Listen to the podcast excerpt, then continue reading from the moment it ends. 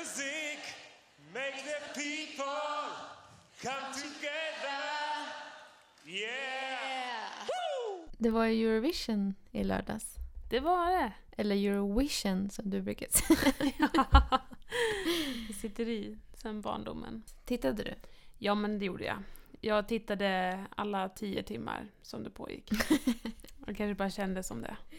Det hade ju varit lite stelt om vi inte hade gjort det eftersom vi faktiskt gjorde ett Eurovision specialavsnitt. Ja, verkligen. Nej, men det var väl självklart att vi tittade. Mm. Vi tittade inte tillsammans i år, men vi Nej. tittade båda två.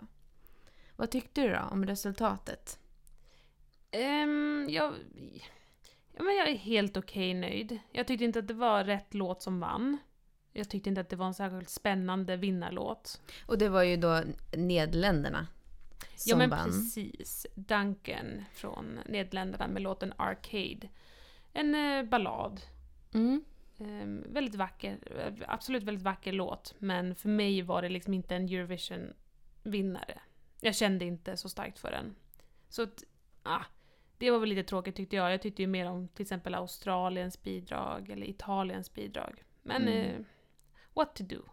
Nu, du sugarcoatar ju verkligen din reaktion för att innan här när vi skulle liksom prata med varandra, när vi såg, så var du helt vansinnig. Och under kvällen skrev du till mig på, på Snapchat att du höll på att liksom lose your mind för att du inte fattar grejen. Men okej, du, jag fattar. Du spelar ner det lite här på var lite, podden. lite diplomatisk. Mm.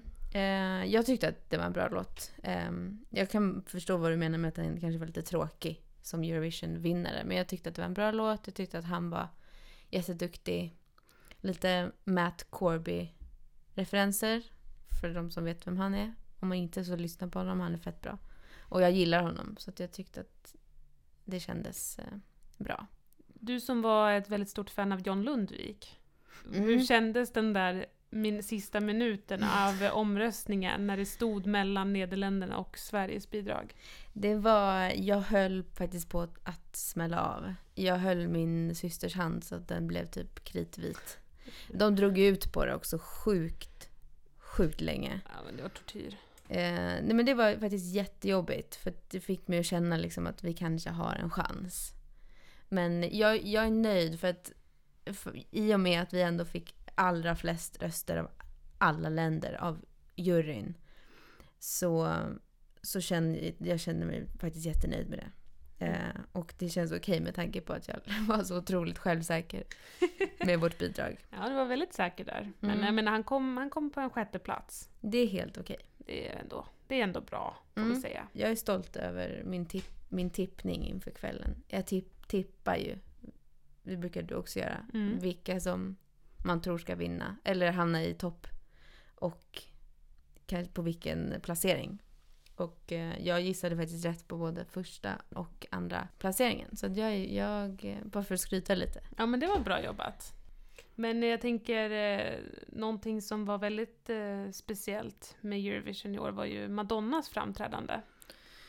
Vill du säga några ord? Nej men jag Om vet, det. inte, jag vet inte vad jag ska säga. Alltså det var, det var, det var tortyr. Kan du inte beskriva lite kort för de som inte tittade då under kvällen och missade detta spektakel?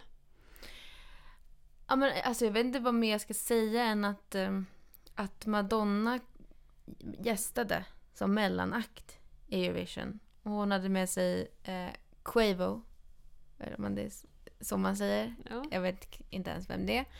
Men eh, hon hade ett litet moment där hon eh, stod och eh, de intervjuade henne innan hon skulle ha sin mellanakt. Och då... eh, Men vad sa hon då? Men dels så ehm, sa hon att hon ville gifta sig med den manliga programledaren som, Som sa gay. att han, han hade en, ja precis, han var gift och homosexuell. Och sen så skulle hon ju rikta liksom, några ord till deltagarna. De ville att hon skulle ge lite råd. Och hon pratade med dem som att de var liksom 16-åriga idoldeltagare. Så här, fortsätt drömma, en dag kan ni också liksom bli, lyckas basically. Mm. Men, men faktum är ju att de flesta av de här deltagarna är ju liksom redan etablerade artister i sina hemland. Så det visar ju bara på att hon hade ingen aning om vart hon var eller vad det var för program hon deltog i. Otroligt provocerande, tyckte vi, vi båda två ju. att det var. Att hon var med överhuvudtaget. Jag, jag förstår faktiskt inte vad hon vad hon har att göra i Eurovision. Jag kände bara liksom att du, du, du har liksom ingen... Du är inte välkommen i Nej. Eurovision. Och dessutom göra ett riktigt kast framträdande gör mig ju ännu mer provocerad. Men precis, för då, då, då, då sjöng hon ju sin eh, hit Like a prayer. Um, falskt och eh, i fel tonart ibland um, väldigt jobbigt att titta på om man nu faktiskt är ett fan av henne. Som jag har varit hela mitt liv. Uh, och sen gjorde hon ju då sin, en, en ny singel. Som jag, min, jag minns inte ens vad det var. Alltså jag, jag tror att jag kanske gick ifrån rummet för att jag... Ja men det var ju, jag kommer inte ihåg vad den heter, Future eller Ja, just det? Peace Mm. eller, ah, jag vet. Nej men det var för att jag tyckte inte alls att den var bra. Jag tycker inte att Madonna har släppt särskilt bra musik på senare år så jag förväntade mig inte jättemycket. Men det var inte bra alltså. Det var inte bra. Jag vet inte vad hon höll på med. Jag, förstår, jag kunde inte heller förstå varför, varför gör hon det här nu? Alltså jo, just såklart för att marknadsföra sin nya musik. Men den fick hon ju liksom mima till. Ja. Men hon skulle ju sjunga live då också på Like a prayer. Och jag kunde bara inte förstå varför gör du det här nu? Och varför, alltså om du inte kan sjunga live längre. Nu påpekade min pappa att hon faktiskt aldrig har kunnat det Jaha. egentligen. Så att eh, han var inte lika chockad som jag var. Okej. Eh, jag tyckte att det här var liksom katastrof. Att, men gud Madonna, vad, vad gör du? Du skämmer ut dig själv, du kan ju inte sjunga. Nej. Tydligen har hon inte liksom, det har inte varit hennes starka sida någonsin. Okej. Eh, men eh, det var jobbigt att titta på. Ja det var ver- verkligen jobbigt. Mm. Eh, förutom det så tyckte jag att det var en, ja men det var ändå ett bra Eurovision i år.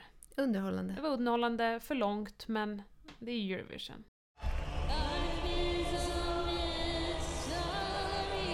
Vad mer har hänt i, i veckan eller den senaste? Jo men eh, vi har ju en ny liten prins. Inte i Sverige, men i Storbritannien. Är det, en- är det en prins?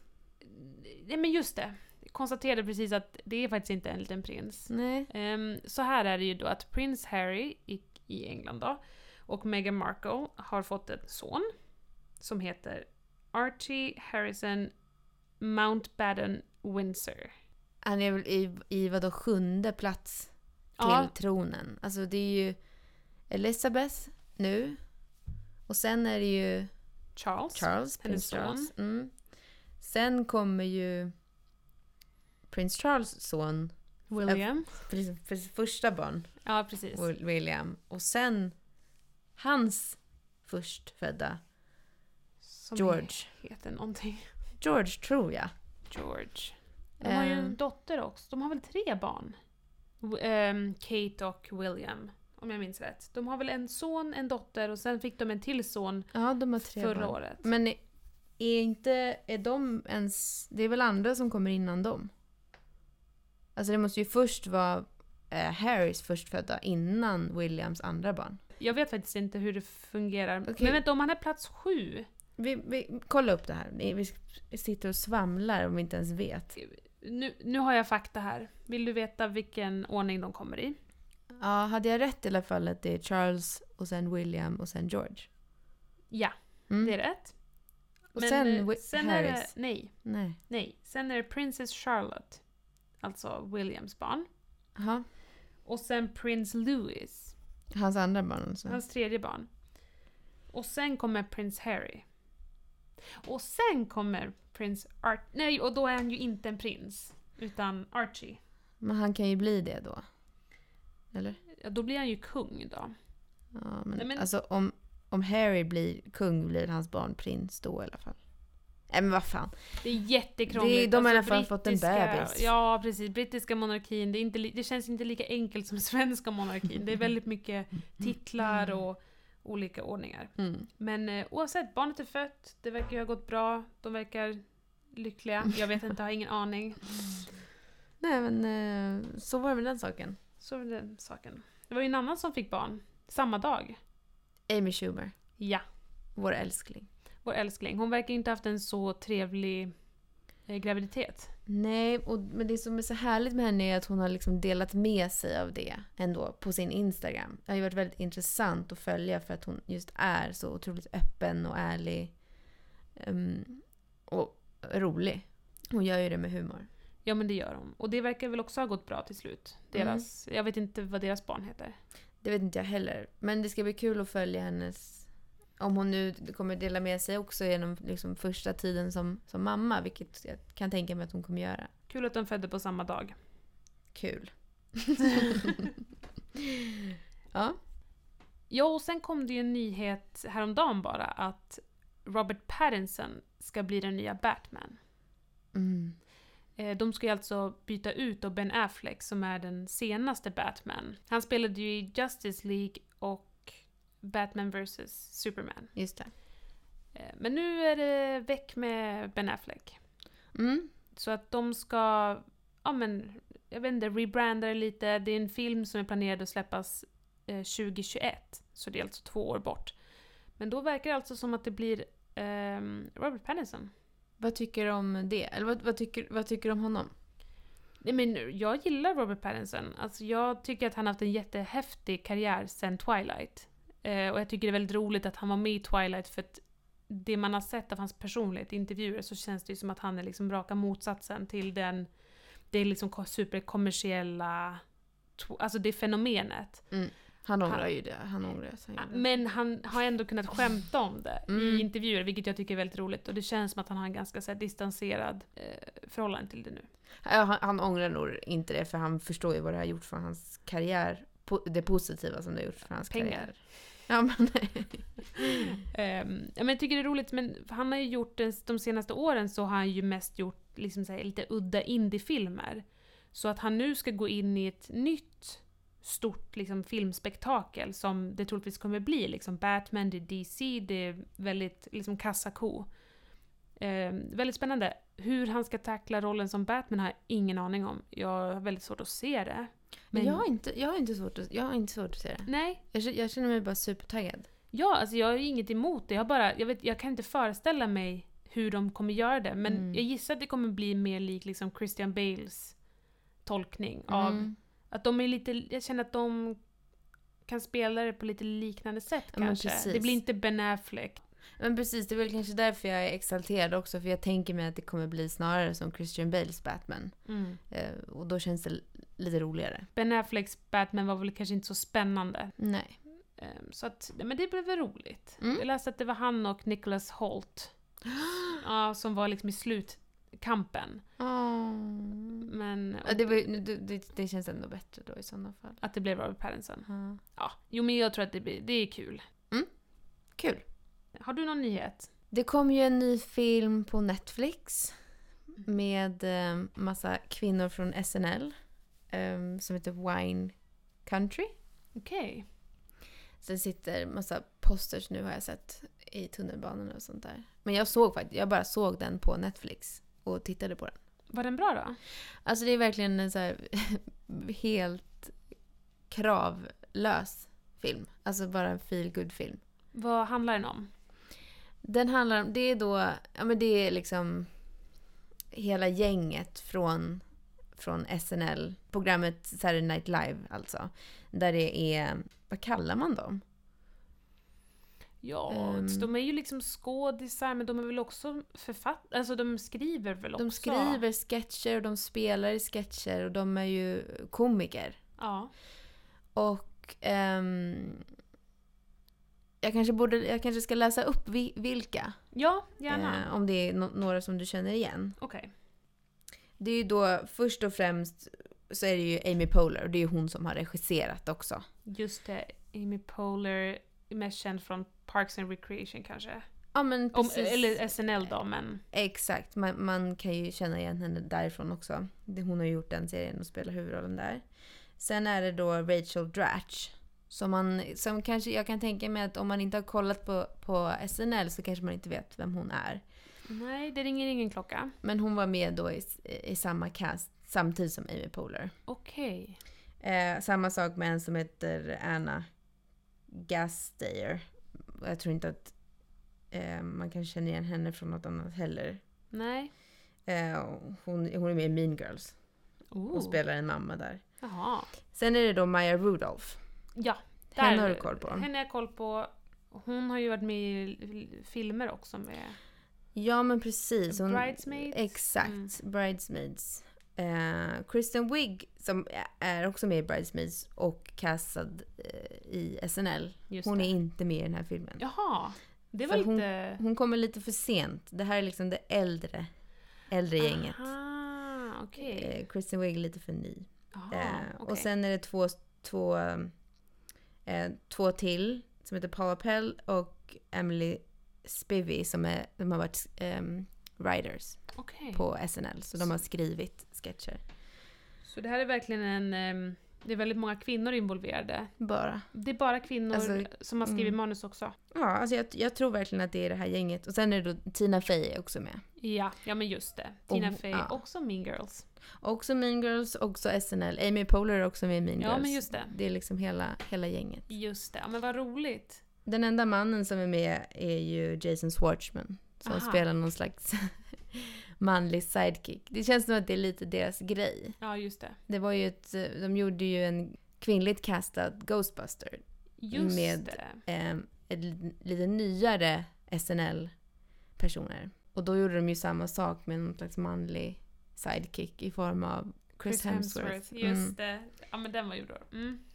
Så det är lite samma grej. Det handlar om ett, om ett, om ett gäng kvinnor som, som jobbade på en pizzeria som unga. Och sen har de liksom försökt hålla kontakten. Och nu ska de åka på en resa tillsammans till, vad heter det? Vin... Napa. Ah. Napa Valley eller ja, de åker dit och ska fira en av de här, en gängets 50-årsfest och bla bla bla, bla. Det, det är en mysfilm. Ja, tips. Är det tips? Det, det är tips om man vill kolla på en feel good film som man inte behöver tänka utan bara kan typ sitta och, och... Och den finns på Netflix, det är bara att kolla. Ja, men eh, vad bra. Då ska jag spana in den. Do you think throwing the itineraries out the window was on the itinerary? Guess we'll never know. Har du något mer som har hänt? Ja, men det har ju varit lite mm, stormar i hela YouTuber-influencer-världen. Mhm. Men jag tänker, dels så har ju Kylie Jenner släppt en hudvårdsserie. Mm. Kylie Jenner har vi ju nämnt tidigare i podden, men alltså yngsta systern i hela Kardashian-skaran. Och hon har ju sedan tidigare haft ett sminkmärke som har varit väldigt, väldigt populärt. Och nu har hon ju då släppt en hudvårdsserie som heter Kylie Skin. Mm. Känner du till det här? Jo, men jag har, sett, jag har sett en bild återkommande i mitt Instagram-flöde på hennes ansikte. Ehm, så jag antar att det har med det här att göra. Ja men precis. Och eh, det är klart att hennes fans, många ju- tycker att det är jättekul.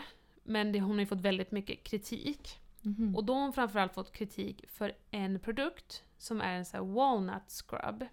Alltså en ansiktspil med eh, valnötter. Och nu är inte jag, jag är verkligen inte någon så här haj på eh, smink och hudvård. Men jag har läst mig till att det här tydligen inte alls är en särskilt bra produkt, att det snarare skadar huden. Och folk har då blivit upprörda för att hon liksom promotar en peeling som skadar ens hud. Och att hon har gått ut och typ Ja men den här walnut scrubben är allt jag behöver för att hålla mig fräsch och ung typ. Och folk är så här. Okej, ett, promota inte den här produkten för den är inte bra. Två, du har nog också tillgång till ganska mycket liksom, ansiktsbehandlingar och proffs som hjälper dig. Jag vet inte. För mig är det här inte... Såklart, jag är inte insatt i hudvårdsbranschen. Jag är så här, okej, är det här en nyhet? Jag bryr mig inte, hon kan väl få släppa sina produkter. Men det upprör ju, tydligen. Jag, för, alltså, jag, jag, jag, jag är inte heller liksom särskilt... Jag, jag hänger inte med på det här. Jag, jag är inte så bra på hudvårdsprodukter heller. Jag, jag, jag förstår inte vad problemet är. Varför är det här dåligt för, för hyn? Tydligen då, så den här typen av scrub, alltså den här walnut scrub, är väldigt stark och väldigt, alltså det, det finns en väldigt stor risk att man exfolierar, om nu det är rätt ord, liksom eh, på, på ett sätt som, som gör att porerna i huden öppnas upp och man får in ännu mer liksom bakterier, så att det är liksom en motsatt effekt. Okej. Gäller det för alla människor på hela jorden Nej men jag eller? vet inte. Och jag, vet, jag känner just med det här, jag säger inte att jag är världens största fan av Kardashians i allmänhet. Men i det här fallet så är jag så här, men herregud köp inte produkten då. Men verkligen. Men alltså, det, det känns, nu vill folk bara nu vill folk bara hoppa på henne och hon är liksom ett enkelt target för att hon är så stor. mm. Ehm, köp inte det då. Jag menar, de är ju ändå svindyra. Du kan lägga pengar på något annat. Men för, för det här kan jag känna bara liksom, vad kommer energin hos de här personerna som nu känner, de som känner behov av att eh, ta den här fighten som, och ens göra det till en fight överhuvudtaget. Vad kommer energin ifrån att liksom draga ner, alltså dra, det blev fel på svenska, alltså drag her. Fattar du vad Ja. Gud, jag blev förvirrad med uttrycken. Men finns en svensk motsvarighet? Dra ner henne. Menar du det? Ja, men alltså... Kasta skit på henne. Ja. Va, va, va, varför? Ja, och jag förstår inte för jag tror inte att de här människorna sitter och skriver till varenda företag som säljer walnut scrubs och klankar ner på dem. Utan Mm. det här är ju bara ett sätt att nu har man hittat liksom en väg in. Mm. Man väljer liksom, man tar alla chanser man kan få att så här. Det här har hon gjort dåligt, det här har hon dåligt, varför har hon gjort det här? Kylie Jenner suger. Bara, då finns det väl andra saker som hon eller Kardashians har gjort som man kan klanka ner på. Men men det här känns som ett, ja, köp inte produkten. Det, känns, det känns lite onödigt.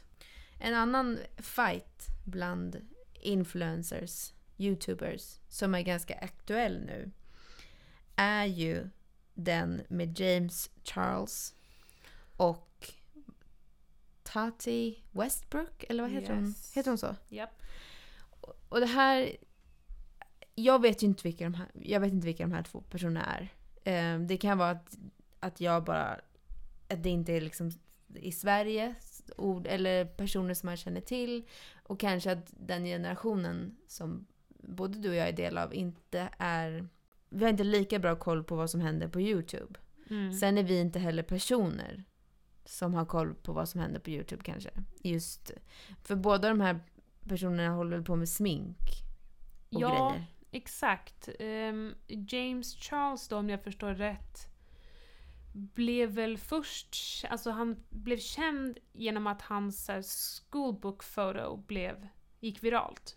Mm. För att han var väldigt snyggt sminkad. Just det, men gud det här kommer jag ihåg Mm. när du säger det. Precis, och då blev det liksom en grej och det spreds väldigt snabbt och sen har han väl egentligen bara byggt vidare på det och haft en jätte, jättepopulär YouTube-kanal. Där Mm. han ja, men gjort sminkvideos och gjort liksom ehm, samarbete med andra YouTubers. Mm. Sen, Och kändisar väl? och många kändisar, precis. Kylie Jenner. Och den här Tati Westbrook, om man nu säger så.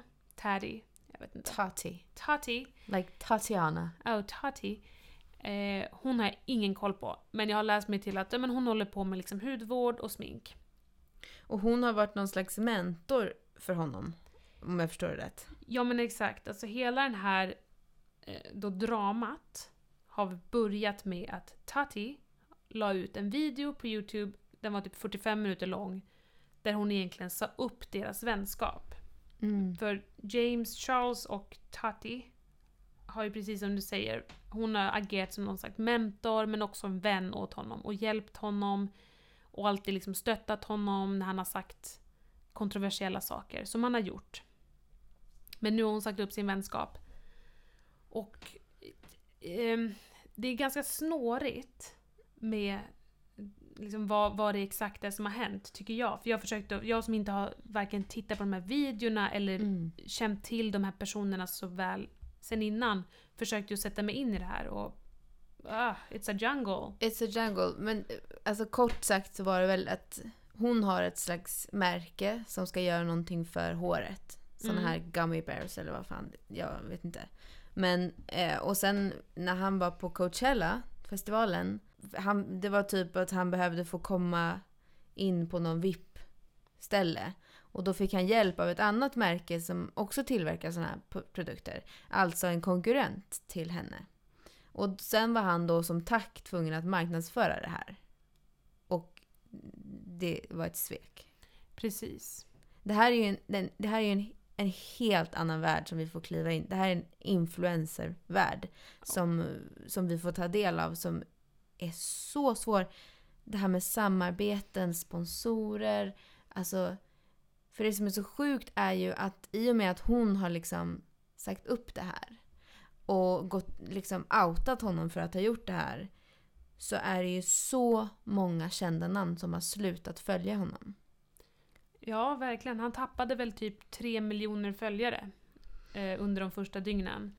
Men det var ju också, förutom hela den här samarbetsgrejen, så eh, avslöjade eller hängde ut, jag vet inte vilket ord man ska beskriva, men hon berättade ju också det här att han... Hon tyckte att han hade haft ett problematiskt beteende med att han hade approachat straighta killar och ja, men flörtat med dem och inte accepterat att de inte var homosexuella. Är Också snårigt, jag kände inte riktigt att jag eh, förstod exakt hela kontexten. Men det var ungefär det jag uppfattade av den här Det här är så videon. svårt för att liksom, hur ska vi kunna veta om det här är någon, någonting som stämmer överens på hans personlighet? Ingen det är bara aning. något som en person, det är ord mot ord. Ja, verkligen. Och den, just den biten blåste ju upp och blev väldigt stort för det var ju väldigt många personer som hängde ut honom och skickade screenshots på konversationer. Och det är klart, i, i liksom kontexten av den här videon och när hon outar honom mm, på det här sättet så ser ju de här screenshotsen väldigt, de här konversationerna väldigt illa ut. Men samtidigt har det ju blivit någon slags kedjereaktion som eftersom att massa kända namn som Kylie Jenner, Miley Cyrus och så vidare, Demi Lovato tror jag, har slutat följa honom så bidrar ju det också till, en liksom, till att folk slutar följa honom och tar en, en sida liksom, för att andra personer slutar. Det är det som är så obehagligt hur snabbt man kan ja, men få följare på Instagram och, och Youtube men samtidigt förlorar de liksom. Det gick ju så långt nu, alltså det blev så extrem reaktion. Och just som du säger, alla de här kändisarna, alla slutade följa honom, alla liksom, ingen ville vara associerad med honom. Och nu har ju hon tydligen tagit bort den här videon. Och lagt upp en så här, eh, en text på sin Twitter där hon eh, hon tar inte tillbaka det men hon ångrar liksom på sättet hon gjorde det. Men hon gjorde en, en video tror jag till och med på Ja, sin det- Youtube. Ja, det kanske hon gjorde. Och, och i princip sa bara att det här, alltså att hon inte ångrar det men att hon vill att, alltså liksom, det, det finns ingen mening med att vi ska liksom förstöra hans karriär helt och hållet och, och, och så. Nej men det är ju väldigt skrämmande. Just med influencers, jag känner att jag numera står ganska liksom långt bort från det. Jag har följt många influencers tidigare men jag har gjort ett aktivt val och slutat följa alla. Mm. I princip. F- och, och därför känns också just nu hela den här, när man läser om det här, eh, så extremt långt bort. Mm. Verkligen. Jag vet inte, har du, har du någon, följer du influencers? Känner du att du har koll på influencers-världen? Nej, men nej, ja, det, är det, det är därför jag också tycker det här är... Jag tycker det är intressant när det blir, sånt, sånt, när det blir så stort. För då blir det som att em, det, är, inte- det är inte svårt att ta del av det. Eh, däremot så, så är det ju liksom, ja, men som jag sa, en värld som jag inte, inte förstår och inte har koll på överhuvudtaget. Um, jag, jag, jag har knappt koll på vad vi har för influencers i Sverige. Liksom. Nej, så jag, nej jag, jag, jag, jag följer inte influencers och har aldrig gjort. Och jag är så är dålig på det där. Jag har ju aldrig läst bloggar heller. Nej, för det gjorde jag. Mm. Ehm, jag följde, liksom läste många bloggar när jag gick på högstadiet och gymnasiet, men också liksom, även efter det. Mm. Men, ehm, ja, men i samma veva som jag slutade följa alla så slutade jag läsa bloggar. Det, för mig blev det, det, jag märkte liksom att det påverkade mig negativt. Mm. För det är ju den här väldigt polerade ytan. Mm. Och just det här med produkter och att det hela tiden när man bara, det bara trycks upp i ens ansikte. Mm. Samarbeten. Titta på de här, liksom, det här ska du ha, de här märkena måste du ha, de här fina kläderna har jag. Och bara, ja men, blev jättenegativt påverkad. Så Mm. då bara kapade jag allt. Och jag, alltså det känns så mycket bättre Alltså jag är så tacksam att jag inte behöver ha det i mitt ansikte hela tiden. Mm. Ja men verkligen. Jag, jag, jag, ja, men jag har ju svårt också nu att, att... Om jag inte har gjort det i mitt liv tidigare så är det svårt för mig att sätta mig in i nu. Att till exempel börja följa vloggar och sånt där. Jag har inget tålamod för det. Jag kan tycka det kan vara intressant att gå in på, på folks Instagram och kolla. Men det är inte så att jag, jag följer några personer. Däremot så förstår jag 100% vad, eh, vad, vad det är som lockar med det här. Alltså bloggar, folk som delar med sig av sitt liv. Men sen kanske framförallt alltså, YouTube-vloggare. Det hade jag ändå någon period när jag liksom försökte följa. Det finns ju en grupp av personer i Storbritannien som hade ett slags kollektiv som nu i och för sig har dött ut lite. Men för några år sedan så var det ju liksom hur stort som helst. Um, som alla hade sjukt många subscribers och alla liksom samarbetade med varandra och det var liksom som ett kollektiv. Uh, men att, att de vloggar liksom varje dag av, av sina liv. Och vi har väl några svenska motsvarigheter till det också. Typ de här uh, Jocke och Jonna. Precis, och hon Therese som Therese också, Lindgren. Therese Lindgren. Hon, hon är väl också inriktad mot smink och skönhet. Mm. Jag förstår alltså vad det är som är så himla eh, svårt att slita sig ifrån. Att man får liksom kliva in i någon annans liv. Och man kan ju märka ja, men, hos barn till exempel. Det är det, är det här som är grejen för typ tioåringar just nu. Mm. De följer ju de här eh, bloggarna och vloggarna och Instagramkontona. Och det är ju precis som du säger, det, det blir lite... Alltså för det är ju inte en verklighet som visas upp. Och de här personerna har ju inte heller liksom vanliga liv. De, de har inte vanliga liv. Det är inte, det är inte normalt att vlogga Nej. liksom hela sin dag och sen dessutom vara svinrik på Nej. grund av det. Så det blir liksom fel för, för de barnen som ser upp till de här personerna och, och som tror att det är typ så livet ser ut. Mm.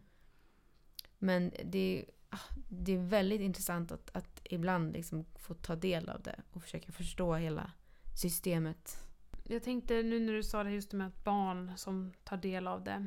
Så jag vet inte om du hörde om, det finns ju en annan youtuber som har varit eh, ja, i ropet. Eh, Austin Jones. Ing, ingen aning. Är det en, pers- är det en amerikan eller? Ja, Mm. en amerikansk youtuber. Jag hade inte heller någon som helst koll på honom. Han gör ju tydligen så här eh, a cappella covers Mhm. på låtar och lägger upp på youtube. Okej. Han kanske inte är liksom den största youtubern men han hade ändå liksom en stor skara fans. Och han har ju nu åkt fast. Eh, han har åkt i fängelse Mhm. för barnpornografi. Mm. För att han har ju då utnyttjat sina fans och fått dem att ja, men, eh, liksom göra sexuella tjänster i webcam. Oj, oj, oj. Eh, och liksom på ett väldigt manipulativt och hotfullt sätt då. Och med den här också maktpositionen som han, har, som han har eftersom det är hans fans som han riktar sig till. Som troligtvis ser upp till honom och Mm. tycker väldigt mycket om honom. Eh, tio år fängelse fick han. Jävlar. Ja. Ehm, Ja, det är ju rätt menar jag bara. Ja, men ja, så sjukt. absolut. Men det är helt sjukt och då tänker man ju på hur många barn som tittar på YouTube och det kan ju se väldigt oskyldigt ut. Men det Mm. finns ju så extremt mycket sjuka saker där ute. Mm. Och just det här med att det, det här blir ju extremt obehagligt för då är det ju någon som kanske har en väldigt så oskuldsfull eh, yta. Mm. Så här, ja, någon som lägger upp lite så a cappella covers på låtar Mm. och sen visar det sig att det är något helt annat. Det här tycker jag är så obehagligt också med typ ja, men Jocke och Jonna. Jag, har ju, jag vet inte riktigt vilka de är men, men det är ju vuxna personer. Alltså, han måste ju vara typ 35 minst. Mm. Och sen att jag typ så här, mitt åttaåriga barnvaktsbarn liksom tittar på honom och att han har de följarna. Alltså, jag blir lite obekväm av det. Mm. Alltså, mig, det, det blir ett orimligt ansvar på, på honom. Som Mm. jag inte vet om jag är bekväm med. Om du förstår vad jag menar. Ja. Now I'm gonna go in with my walnut face scrub. Vet du vem Anna Sorokin är? ja, det vet jag. Kan inte du berätta lite kort? Jo men Anna Sorkin, hon är i, aktuell just nu för att hon är i rättegång. För att ha lurat till sig en massa pengar genom att utge sig för att vara någon som hon inte är. I New Yorks innerliv, eller man ska säga. Mm, elit. Ja men precis. Alltså hon kommer ursprungligen från Ryssland och liksom en arbetarklassbakgrund men har då tagit sig till New York och utgett sig för att vara en väldigt välförmögen person som har väldigt mycket pengar fast hon egentligen inte har det. Och eh, ja men det, hon är väl, det har väl varit väldigt uppmärksammat just för att hon har umgåtts med eliten och blivit extremt omtalad. Mm. Ehm, och så de här rättegångarna så har det ju också blivit uppmärksammat för att hon har kommit dit i typ så dyra märkeskläder, vilket inte är så vanligt kanske under rättegång. Jag kan tänka mig att är man från, eh, bor man i New York så har man säkert 100% koll på henne. Övriga människor kanske inte hade koll på henne förrän de här rättegångarna drog igång. Mm. Inklusive mig själv. Mm. Jag, har inte heller haft koll. Men det är ju väldigt intressant. Man kan ju förstå att det nu är väldigt många som eh, kämpar för att få filmrättigheterna. Ja. Vilket det nu är. Precis, de står ju på kö. Mm. Jagar liksom de här rättigheterna för att få göra filmer och tv-serier om henne. Det är en så bra story. ju. Ja. Jag ser redan filmen framför mig. Alltså jag kan verkligen, jag vet hur de kommer göra det. Mm. Så känner jag. Mm.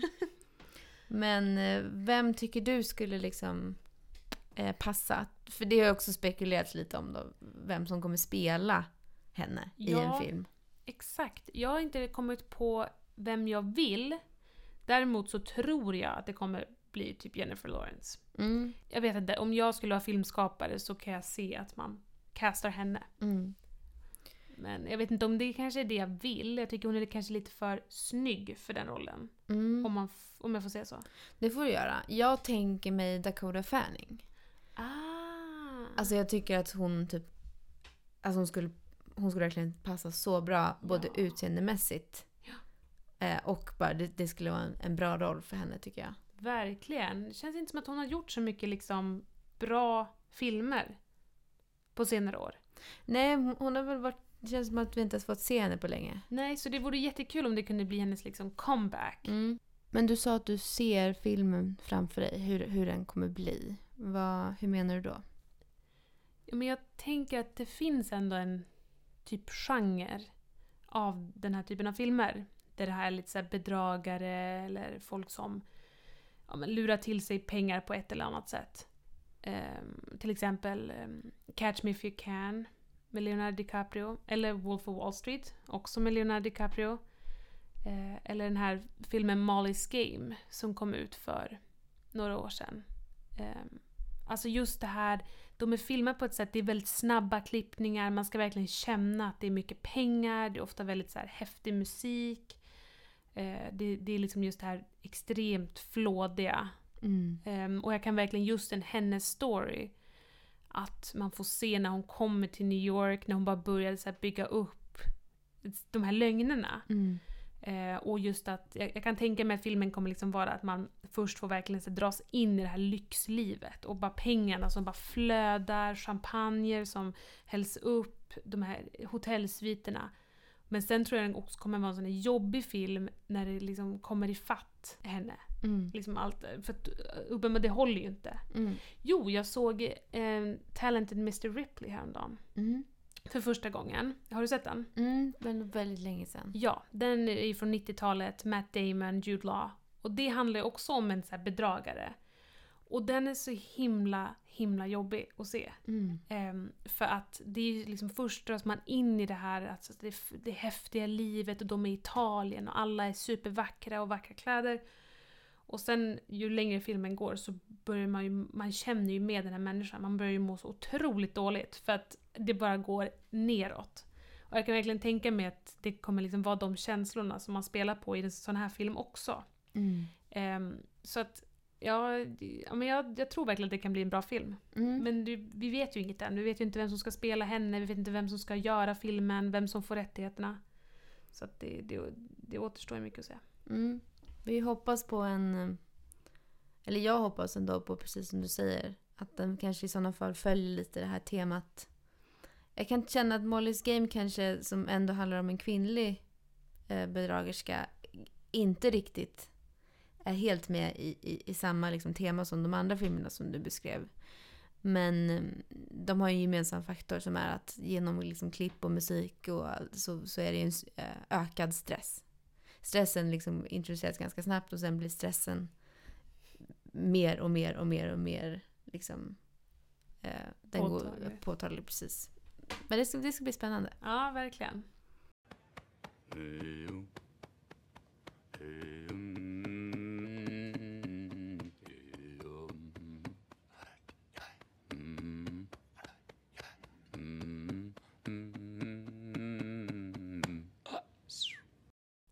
tänkte att vi skulle prata lite skräckfilm. Mm. Är det en favoritgenre? Mm. Nej, men, nej det, skulle jag, det skulle jag faktiskt inte säga. Jag, jag, jag vet inte om det finns en riktig anledning till att jag undviker skräckfilm eller om det bara har blivit så av en slump att jag nästan aldrig har kollat på en skräckfilm. Varken hemma eller på bio. Alltså jag bara, det, jag bara gör inte. Men det är inte så att jag, att jag är en lättskrämd person. Nej, för det tänkte jag fråga. För det hade ju annars varit en naturlig kanske anledning till att Mm. man inte kollar skräckfilm. Jag, jag är inte en särskilt eh, käns, jag är inte känslig för sånt där. In, varken skräck eller liksom blod. Blod. jag gillar ju sånt. Jag gillar ju Game of Thrones blod. Ja, precis. Ja, jag är ju ganska svårt för blod. Men, Gory. ja, nej, usch. Det funkar inte för mig. Men däremot tittar jag mycket på skräckfilm. Mm, Eller mycket. varför gör du det undrar jag? Är det att du gillar kicken då av att bli rädd? Så här, jag skulle inte säga att jag är ett särskilt stort fan av skräckfilmsgenren. Och jag tittar absolut inte så mycket att jag är så här, du vet, ser varje skräckfilm som kommer ut. Men däremot så, jag, jag gillar på något sätt den här gemenskapen som ofta uppstår när man tittar på skräckfilm. För jag, titt, jag skulle aldrig titta på en skräckfilm själv. Men jag tycker ändå om att se skräckfilm med andra människor och att man får vara rädd tillsammans. Mm. Eh, jag vet inte, det finns något roligt med det på något sätt. Även fast jag ofta blir väldigt rädd. Jag är ganska lättskrämd. Och tycker inte om blod. Det kan ju vara en förklaring då för att när jag för, skulle försöka sätta mig in i skräckfilmsgenren så satte jag mig och skulle kolla på gamla skräckfilmer själv. Åh nej! Nej men alltså jag tyckte inte det var läskigt men det var ganska sakligt. Alltså jag kollade på typ um, Exorcisten och massa sådana där. Och jag, alltså det var bara, jag satt ju själv och bara, ha okej vad är det här? Och då kanske man går miste om, alltså Ja. det blir också kanske att man triggar igång varandra. Om någon, den som sitter bredvid den är rädd. Kanske man också själv blir lite, om man är en hel bisalong med folk som sitter på helspänn. Så kanske man påverkas av det och upplevelsen blir maxad. Ja, precis. Alltså jag, jag tror verkligen på att se det tillsammans med andra. Jag kan inte föreställa mig att se en skräckfilm själv. Jag skulle bajsa på mig. Okej, för du tänker då att du, du skulle tycka att det var läskigt. In, inte så att du skulle liksom... Att det inte skulle vara lika roligt. Utan du skulle inte våga. Jag, jag skulle inte våga och därmed skulle det inte vara kul. Jag skulle bara vara rädd. Mhm. Och ehm, att se skräckfilm med andra, då kan jag vara rädd men jag blir inte så rädd att det tar över. För Mm. man, är ju med, man, är, man är ju med andra människor. Skulle jag vara själv, nej jag skulle, det skulle inte gå. Men har du provat? För det hade ju kunnat bli som det blev för mig då. Att det snarare bara var tråkigt. Att jag var helt opåverkad. Ja, alltså, när jag var liten tittade jag faktiskt på skräckfilm själv. Mm. Mm, Sen när jag kom hem från skolan, då kunde jag sätta mig och kolla på typ The Grudge. Men det, det, det går inte längre. Nej. Jag har, jag har inte försökt. Jag har inte försökt på de senare, de senare år.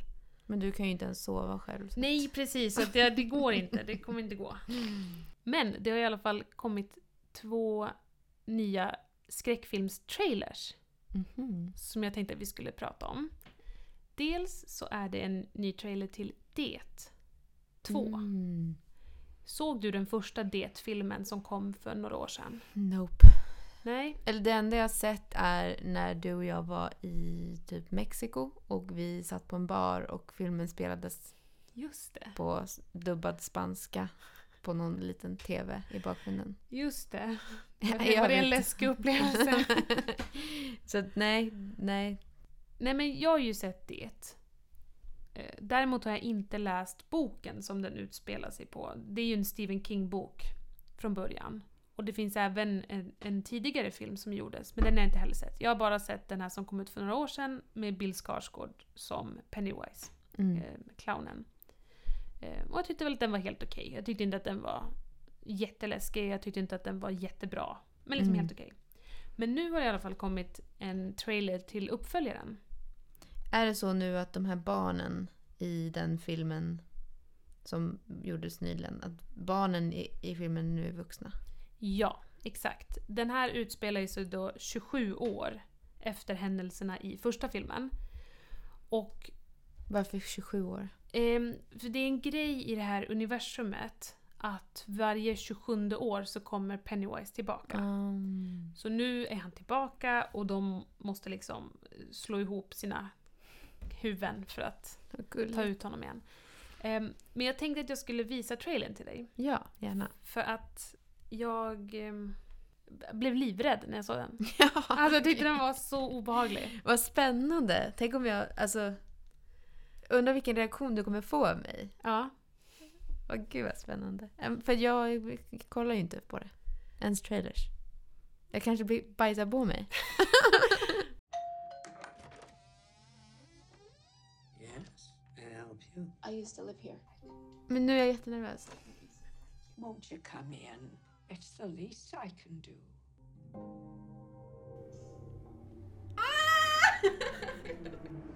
Jag vill inte stänga av. Men jag- kan inte, jag får börja gråta.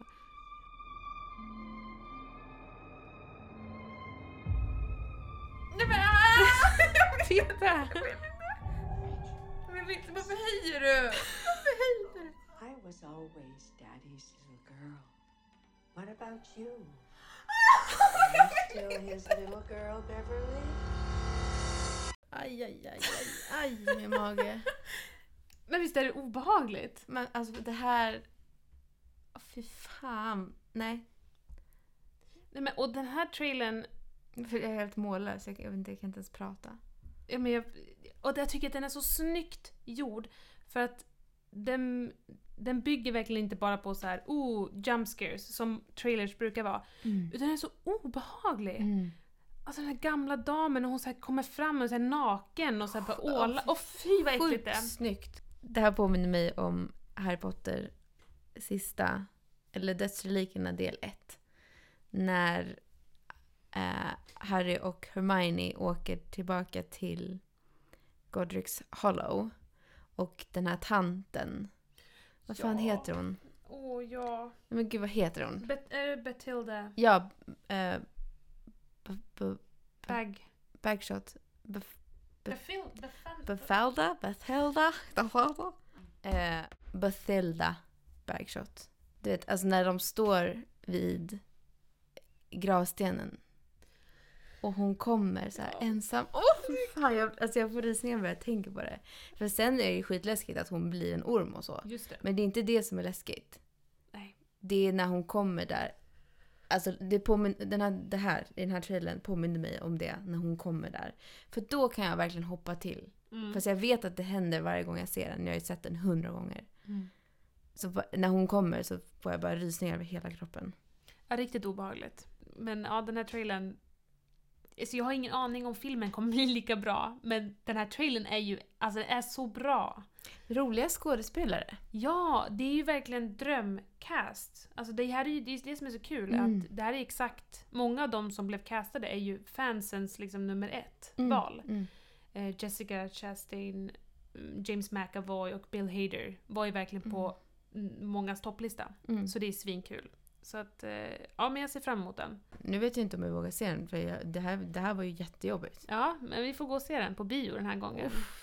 6 september kommer den. Sen är det en annan skräckfilm som också det precis har släppts en trailer till. Mm. Midsommar. Svensk. Nej! Varför säger du midsommar? Ja, det här är väldigt roligt. Det är regissören eh, Ari Aster, amerikansk regissör. Mhm. Vem är det? Ja, han gjorde Hereditary. Är det också skräckfilm? Det är också Okej. en skräckfilm som kom för två år sedan tror jag. Eh, som blev jätte, jättehyllad för att den var ja, men, nyskapande skräckfilm. Eh, super, super bra, verkligen. Mhm. Om man ska se en skräckfilm och vill ha någonting originellt och som faktiskt är en bra film så ska man se Hereditary. Okej. Och det här är hans andra film då, som heter Midsommar. Eh, det ro- den, den, de säger väl Midsummer, men titeln är liksom på svenska. Jaha. Och den här filmen handlar då om ett amerikanskt par och deras vänner som åker till Sverige för att fira midsommar. Men det är midsommar med en twist. För de åker ut till någon så här, eh, ja, jag vet inte vart det är, men det är till något litet område där de firar på ett speciellt sätt var 90 år. Eh, Du kan få se trailern. Jag vet inte om jag vill se mer skräckfilmstrailer. Jag... Nu är vi igång, nu är vi varma.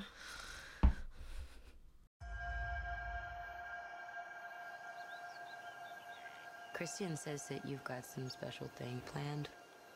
Yeah, it's like a crazy nine day festival. It only happens every 90 years. You're gonna love it. Det här var ju inte läskig.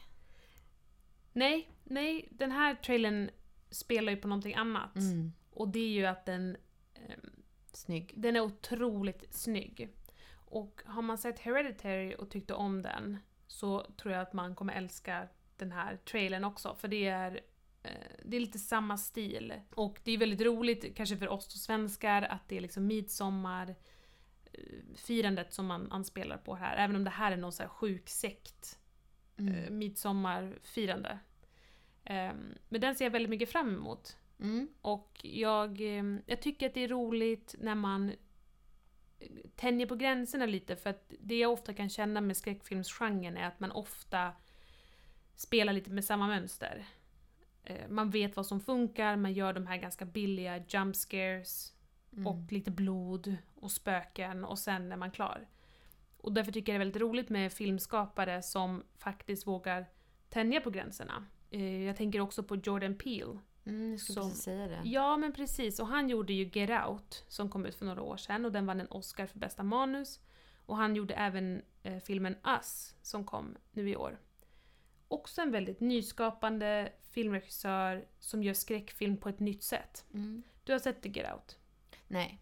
Nej, du har inte sett Get Out? Nej, men jag vet det är pinsamt. Alltså jag känner ju Jordan Peele från hans alltså Comedy Central humor Ja. YouTube-kanal.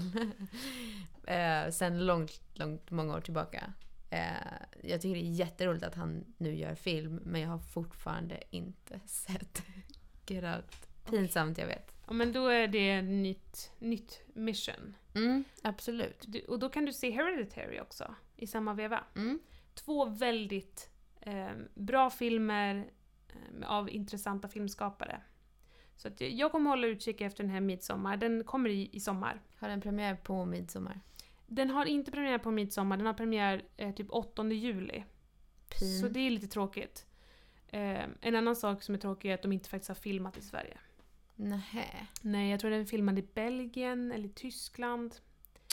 Ja, det är trist. Ja, det var tråkigt. De kommer säkert efterlikna det väldigt mycket. Mm. Så, så att andra människor kommer ju inte veta att det inte är Sverige. Men jag känner att det är last opportunity. Mm, mm, Men jag tror att nog filmen kommer bli bra ändå. mm. Spännande. Get out. Sorry, man. Get out! Ja, men det var väl kanske allt för idag då. Tack. Ja, men jag hoppas att ni har fått lite tips. Filmtips. Fanny Mm. ska gå och kolla film. Mm, Och ni kan ju också spana in de här filmerna. mm, Ehm, så jättestort tack för att ni lyssnade. mm. Glöm inte att följa oss på, på Instagram, där vi heter... Har du hört podcast? Och på Facebook, där vi heter... Har du hört? Och sen har vi också en mailadress som är... Har du hört podcast at gmail.com? Mm, där kan ni mejla oss med feedback eller frågor eller eh, vad som helst. Vi tar emot allt. Och ratea oss gärna med, med fem stjärnor. Ja, Eh, då blir vi jätteglada. då blir vi jätteglada. Tack för idag! Tack för idag!